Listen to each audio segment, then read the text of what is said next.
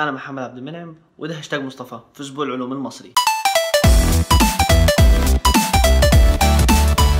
hi السلام عليكم إزيكم؟ عاملين إيه؟ تمام الحمد لله رب دايما. تعرف ناس كتير مش عارفاني بس من 17 واحد فاكتور الحلقات اللي فاتت يبقى الحمد لله. تعرفوا تفهموا الحلقات كويس جدا. في ناس كتيرة مهتمة بالعلم ونفسها إن اسمها يتكتب مع أسامي العلماء اللي غيروا في نظريات العالم وأضافوا كتير للعلم والخ وفي علماء كتير وهم بيبحثوا مثلا في المواد البترولية أو في الفلك أو الكهرباء أو الميكانيكا أو أي مجال علمي يا إما بيموت أو بيتحصل على معلوماته أو حتى بيضيع كل أبحاثه وكمان بيؤدي إلى خسائر مادية كبيرة جدا في حالة إنه فشل. طبعا لو في حالة إن هو طلع إنجاز ده بيبقى wow انبهار علمي. فكرت إنك تركز على كوباية الشاي اللي بتشربها تقريبا كل يوم وكمان تحللها تحليل كيميائي علمي منطقي وتطلع عليه أبحاث ودراسات ما فكرتش؟ خالص؟ طب المهم في ناس تعبت نفسها وفكرت في الموضوع ده. أوراق شجرة نبتة الشاي 27% منها كاتشينات وهي بتنتمي لعائلة الفلافونويدات. بس أول مراحل عمل كوباية الشاي هو إن إحنا نعمل اكسده لأوراق شجرة نبتة الشاي. في اللحظه دي بيقل نسبة الكاتشينات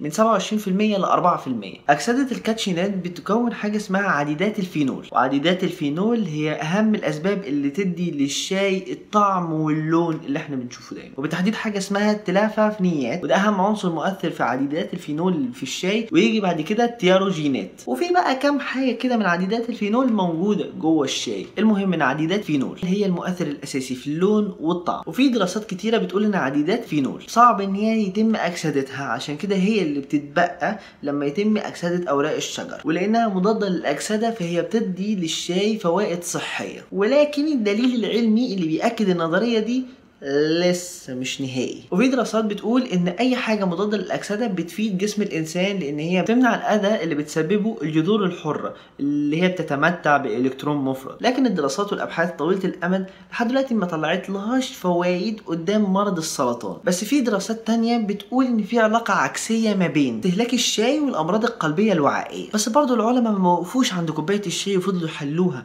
لا كمان دول حللوا لو أضفنا شوية حليب على كوباية الشاي اللي هيحصل. لأن في الحليب الحليب في حاجة اسمها البروتينات الكذائيه ودي ممكن تتحد مع عديدات الفينول اللي موجودة في الشاي لأنهم قالوا إن الاتحاد ده ممكن يأثر على مضادات الأكسدة اللي موجودة في الشاي.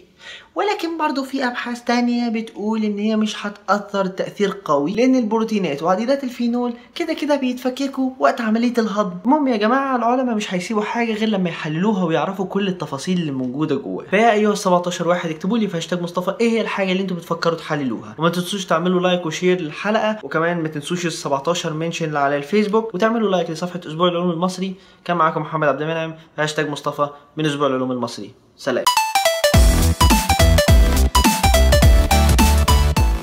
أسبوع العلوم المصري مصر بتتكلم علم.